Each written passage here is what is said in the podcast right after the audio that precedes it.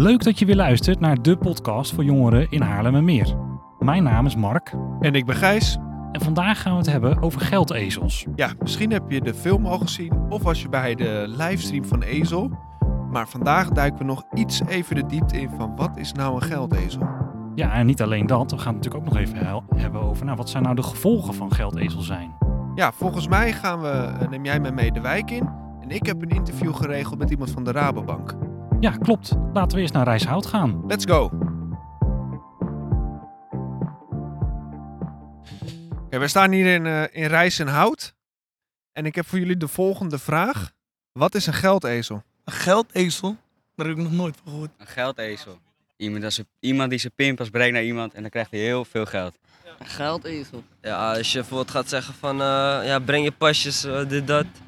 En dan degene die dat zeg maar doet, is dan een geldezel, want die worden gewoon heel erg hard gebruikt. Ja, ik heb het genoeg aangeboden gekregen of ik het ook wilde doen voor mensen. Of dat ik mensen wilde regelen. Maar eh, ja, kijk, weet je. Ik weet niet wat er uiteindelijk gebeurt met diegene van wie die pinpas is. Dat is het probleem. Kijk, ik kan ermee wegkomen. Maar ik weet niet wat die jongen heeft, zeg maar. Ja, meestal geld Van vanuit, alles. het, geld vanuit het buitenland. Als ze dan uh, maken ze wat 5000 euro over en dan mag, mag je bijvoorbeeld eh, kwart houden. Maar ja, dus dat doen ze op iemand anders pinpas. Zeggen ze ja, het kan maar één keer per, kan maar één keer per pinpas. Ja, ik weet, ik weet in principe ook hoe het gaat. Wat er gebeurt, eh, waardoor het geld erop komt en zo. Wat ik heb gehoord. Dat gaat via hackers met eh, andere banken en bedrijven van buitenland. En daar wordt van gestolen, zeg maar. En dan wordt het uiteindelijk op een grote pas gezet. Dat noemen ze meestal de boot. En dan uiteindelijk wordt dat verdeeld onder kleinere bedragen, wordt opgepind en zo. En dan gaat het weer weg. En daarvan, wat opgepind wordt door diegene, daarvan krijgt die jongen van wie die pinpas is, zeg maar, een paar tientjes. Maar wat is nu eigenlijk een geldezel? Laten we naar onze expert gaan, André van de Rabobank. Ja, het klinkt heel aardig, een geldezel, maar dat is het niet. Eh, een geldezel is eigenlijk eh, iemand die wordt misbruikt door anderen om zijn bankrekening tijdelijk te gebruiken. En daar gaan dan eh, meestal frauduleuze eh, ja, zaken aan vooraf. En dat geld wordt dan op die rekening gestort. En dan wordt er gevraagd of jij dat geld weer van je rekening eh, af wil pinnen. Dus het is heel simpel eigenlijk, maar het kan verstrekkende gevolgen hebben. Ja, dus, dus eigenlijk geef je gewoon, als jongere bijvoorbeeld, geef je gewoon je pasje af aan iemand. Die gaat geld pinnen. Ja. En dan, dan heb je behoorlijk wat consequenties waar je niet zo blij Nou ja, in mee eerste bent. instantie word je meestal gevraagd door iemand. Het kan een bekende zijn, het kan ook onbekende zijn, iemand op het schoolplein. Die vraagt met een reden om jouw bankpas te mogen gebruiken, je rekeningnummer. En dat kan bijvoorbeeld zijn dat hij zegt van ja, ik heb eh, een baan en ik heb nu even geen rekening, maar mijn salaris moet gestort worden. Wil jij dat heel even op je rekening storten? Dan pin ik het eraf en dan ben ik geholpen. Zo gaat het eigenlijk, ja. Ja, precies. En wat zijn dan uiteindelijk de gevolgen daarvan? Nou ja, meestal is het namelijk zo dat dat geld wat er op je rekening gestort wordt niet van de pizzeria is, maar bijvoorbeeld van marktplaatsfraude. Of eh, een crimineel die geld ergens anders van eh, krijgt en dat geld wit wil wassen. En eh, dat wordt dan op je rekening gestort. En dan zegt hij, nou dan krijg jij wat geld ervoor, of je krijgt een mobieltje, of ik zeg maar wat. Een, iets waarvan je toch al denkt, hè, alleen maar om een pasje uit te lenen krijg ik dat geld. Lekker gauw verdiend. Maar ja, het is meestal gewoon crimineel geld. En de gevolgen die er dan zijn, En wat zijn dan de gevolgen als je dat doet? Nou, eh, ik denk dat de politie gewoon kan zien eh, dat er ineens heel veel geld op jouw bank komt. Ja. En dan eh, hebben ze denk ik wel door. En de bank zelf? Ja, die ook. En wat, wat gebeurt er dan? Heb je enig idee? Of je ja, ik weet niet. Ik, ik hoor van al die gasten die het doen dat het altijd goed gaat, weet je. Maar ik geloof dat niet. En ik denk dat die jongens wel gepakt kunnen worden. Tuurlijk, want hun, hun naam en gegevens die staan eraan gebonden en zo, weet je. Je huisplaats en zo. Ze kunnen alles vinden van je. En het kan misschien vijf jaar duren, want het is via het buitenland gegaan en dat is het ding. Maar ja, na vijf jaar kunnen ze het toch wel uiteindelijk zien. En, eh, ja, dan, en dan sta je al zomaar als fraudeur bij de bank. Ja, nou dat is eigenlijk meteen mijn dat- volgende dat- vraag. dat- ja. Dan gaan ze gelijk denken van, eh, ja, wat is dit dat opeens vanuit het buitenland zoveel geld wordt overgemaakt. Dat, eh, dat zien ze gewoon. Dat is gewoon eh, En wat gebeurt er dan als je als fraudeur bij de bank staat?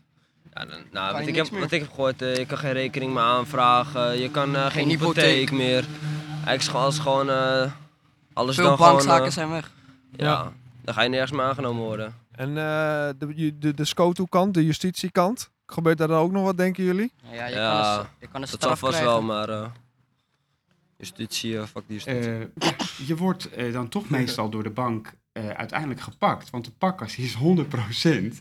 Eh, en dan, eh, ja, dan, wat er dan gaat gebeuren, dat is helemaal niet eh, om vrolijk van te worden. En wat gebeurt er dan?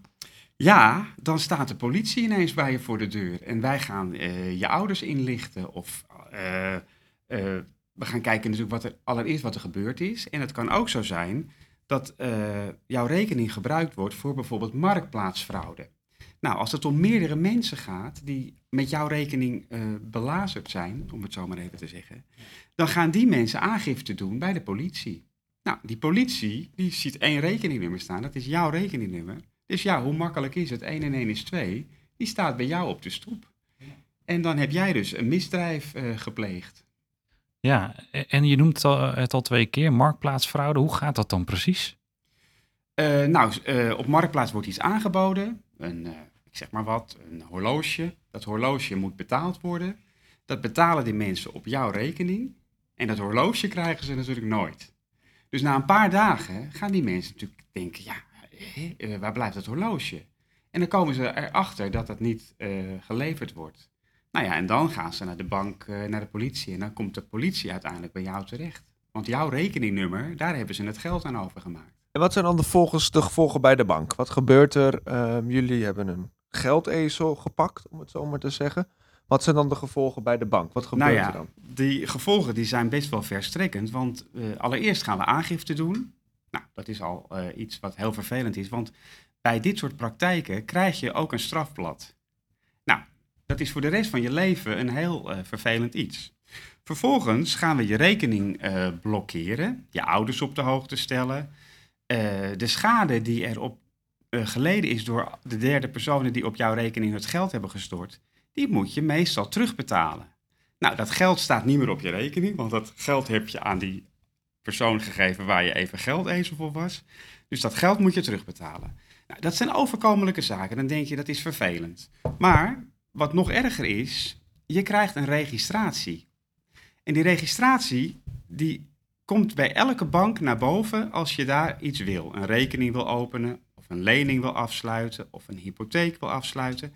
Daar staat dan dat jij iets hebt gedaan met fraude. Nou, als je dat naar boven krijgt, dan zijn banken verder niet happig met je. Die willen dan eigenlijk niets met je te maken hebben.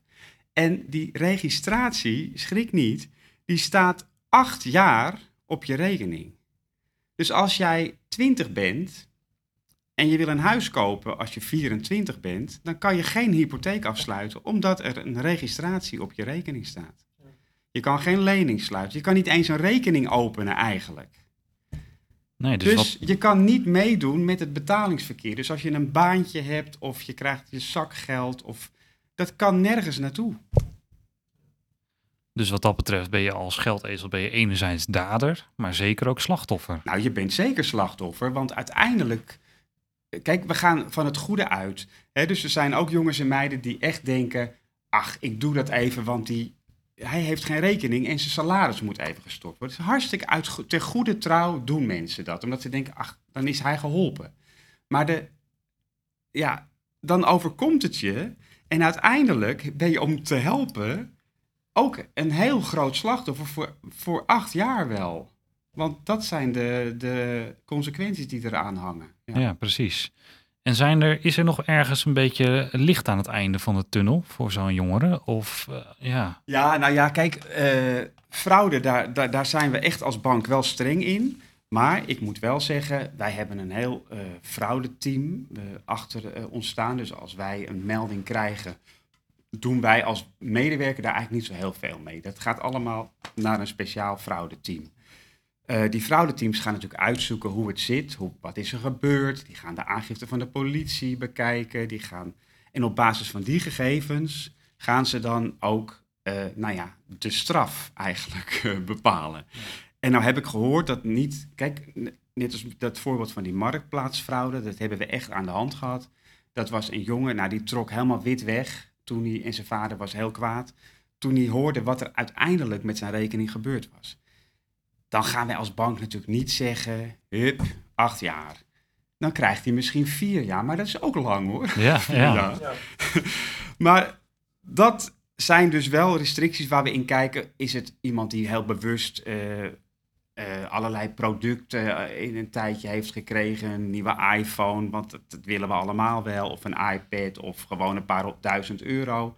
Ik noem het maar. Ze gaan dus wel kijken... eh, wat heeft die persoon gedaan? En is die persoon nou ook echt slachtoffer? Ja of nee? Kijk, ze zijn uiteindelijk allemaal slachtoffer. Maar er zijn er natuurlijk ook wel bij die bewust aan deze acties meewerken, terwijl ze weten wat er gebeurt. Nou, wat het soms heel moeilijk is, is inderdaad die op- geblokkeerd worden bij een bank en dan een starterslening aanvragen, inderdaad. Dat maakt het ook lastig. Dus het wil ook niet zeggen dat als, we zitten hier bij de Rabobank, eh, dat daar je rekening geblokkeerd wordt, dat je dan bij de ING je nieuwe rekening geblokkeerd wordt. Je wordt echt opgenomen eh, in, een, eh, in een databank eigenlijk. En dat wordt allemaal door alle banken wordt dat onderling gedeeld. En het schijnt dat inderdaad sommige online banken eh, daar niet bij aangesloten zijn. Maar dat durf ik niet 100% zeker te zeggen. Ehm, maar wat ik vooral dan wil aanraden, hè, ik denk volgens mij stap 1 is het überhaupt niet doen. Nooit je bankpasje afgeven. Mocht het wel gebeuren, ehm, en dat is vaak het moeilijke, eh, ook toch aangifte doen tegen degene waar wij je, je eh, bankpas hebt afgegeven. En mochten hè, je dit niet met je ouders willen bespreken, zoek iemand om je heen die dat wel kan. En dat kan bijvoorbeeld een jongerenwerker zijn, maar ook een oom of je mentor op school. Eh, praten met iemand over, dat is wel belangrijk. En die kunnen dan eventueel eh, kijken of ze jou verder kunnen helpen. Ja, en je kan ook eh, op de website van Slachtofferhulp staat ook heel Ja. veel informatie erover. Maar je kan ook anoniem, bij Meld Misdaad Anoniem nog misschien Ja. terecht. Of ja, in ieder geval dezelfde politie bellen kan je ook doen Ja. natuurlijk. hè. Kijk, als er vanuit jezelf in ieder geval iets komt... Ik denk dat dat voor de straf die er aan hangt... ja. wel, eh, nou ja, dat er iets meer coulance is wat Ja. dat betreft. Ja. En dat is als je luistert en als je dat nou moeilijk vindt, want dat snap ik en die verhalen ken ik ook, hè, om dan aangifte te doen tegen eh, degene wie je de bankpas hebt gegeven om uit angst, ga dan met de jongwerker in gesprek. Dan kunnen we samen kijken wat er wel of niet mogelijk is. Ehm, doe dat dan vooral, denk ik. Nou, André, dankjewel voor je tijd om eh, ons zo mee te nemen in het onderwerp geldezels. Nou, heel graag gedaan. En ik hoop echt dat heel veel jongeren en eh, ook ouderen eh, hier iets aan hebben. En dat ze er niet intrappen. Want nou ja, de gevolgen zijn echt groot. Bradley, leuk dat je er bent. Jij was een van de, de hoofdrolspelers in de film Geldezel. En eh, nou, leuk dat je even hier wil zijn met ons. En nou, we hebben natuurlijk een beetje kennis met elkaar gemaakt. En toen vertelde jij dat jij je eigen streamingsbedrijf bent begonnen. Kan je daar eens wat over vertellen? Nou, ik, eh, sinds, sinds dat ik klein was, heb ik eigenlijk, komt nu heel cliché verhaal, sinds dat ik klein was, ehm, wilde ik altijd eh, iets doen met, eh, met streamen. Want ik zag altijd dat mensen op YouTube live gingen. En toen dacht ik, hoe moet je eigenlijk live op YouTube? Hoe kan je zo livestreamen?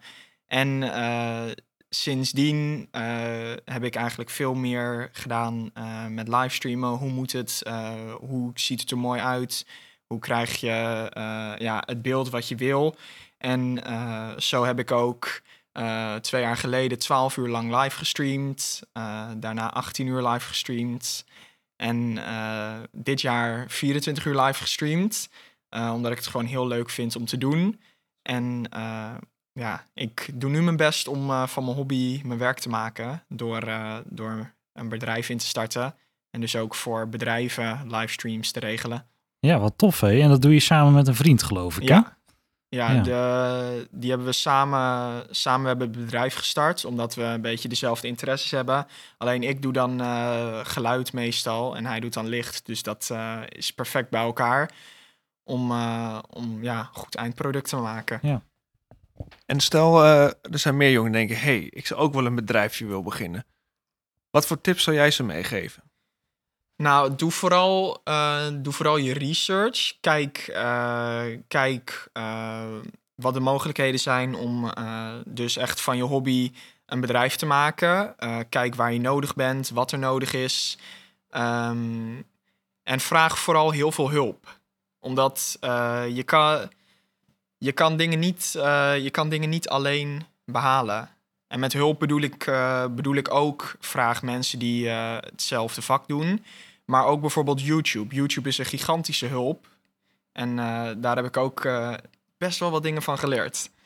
Nou, dan kan ik me goed voorstellen hoeveel tutorials en van alles er wel niet op YouTube ook staat. Ja. Dat kan je goed helpen, denk ik. Ja, van beginnerslessen tot, tot hoe zorg je ervoor dat je een instant replay in je stream kan hebben. Dat je 30 seconden terug in de tijd in slow motion kan eh, laten zien. Ja, precies. En- En je vertelde al sinds dat je eigenlijk al een jonge jongen was, had je hier al interesse in. Maar hoe is dat zo gekomen? Nou, het ehm, nou, is eigenlijk best, best moeilijk uit te leggen. Want ik vond, ik vond altijd techniek al leuk.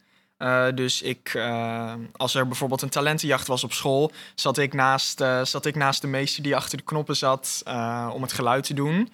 Ehm, en het coolste van techniek vond ik als alles samenkwam. Dus als je beeld, geluid, licht, als dat allemaal ineen kwam. En ook live. Ja, Dus precies. ja, een beetje de, de spanning, de energie van... oké, over één minuut gaat het gebeuren. Dat, eh, dat sprak mij heel erg aan.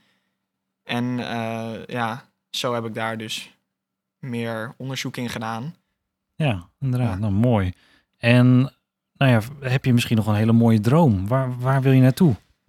Zo, dat is moeilijk. Ehm, Of misschien niet. Misschien denk je van, nou, wat er op mijn pad komt, komt er op mijn pad. Dat kan natuurlijk ook. Nou, zo leef ik meestal wel. Maar wat, me, ja, wat, wat mij heel cool lijkt, is om eh, een product te hebben. wat ik eh, naast een eh, tv-productie kan leggen.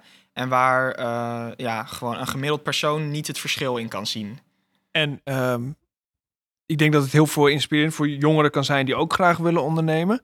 Ik denk dat het nu ook tijd is om eh, wat shameless self-promotion eh, te doen. Waar kunnen ze BF Media vinden? Nou, ehm, je kan BF Media vinden op Instagram. eh, en dat is vooral met eh, de video's die we ook maken. Eh, want we zijn naast livestreamen maken we ook video's. ehm, ja, producties live en daar video's van maken. Op Instagram, op bfmedia.nl, die komt eraan. En ehm, ja, ja, het is, het is vooral Instagram voor nu. Ja, nou, Ja. toch een mooi begin. Ja, En zo, eh, ik hoop, ik gun het jullie van harte als jullie dat zelf ook willen, eh, om een mooi groot eh, bedrijf te worden met Ja. mooie successen. heel erg bedankt. Jij, dankjewel voor je tijd, Bradley. En je hebt al aangeboden dat je ons wil meehelpen met de livestream van Ezel, de film. Zeker. Dus we zien elkaar snel weer. ja, Tot de volgende keer. tot dan. Tof dat je weer geluisterd hebt naar deze podcast. Heb je nou een goed idee? Wil je leren editen? Wil je graag interviewen? Of heb jij een tof onderwerp?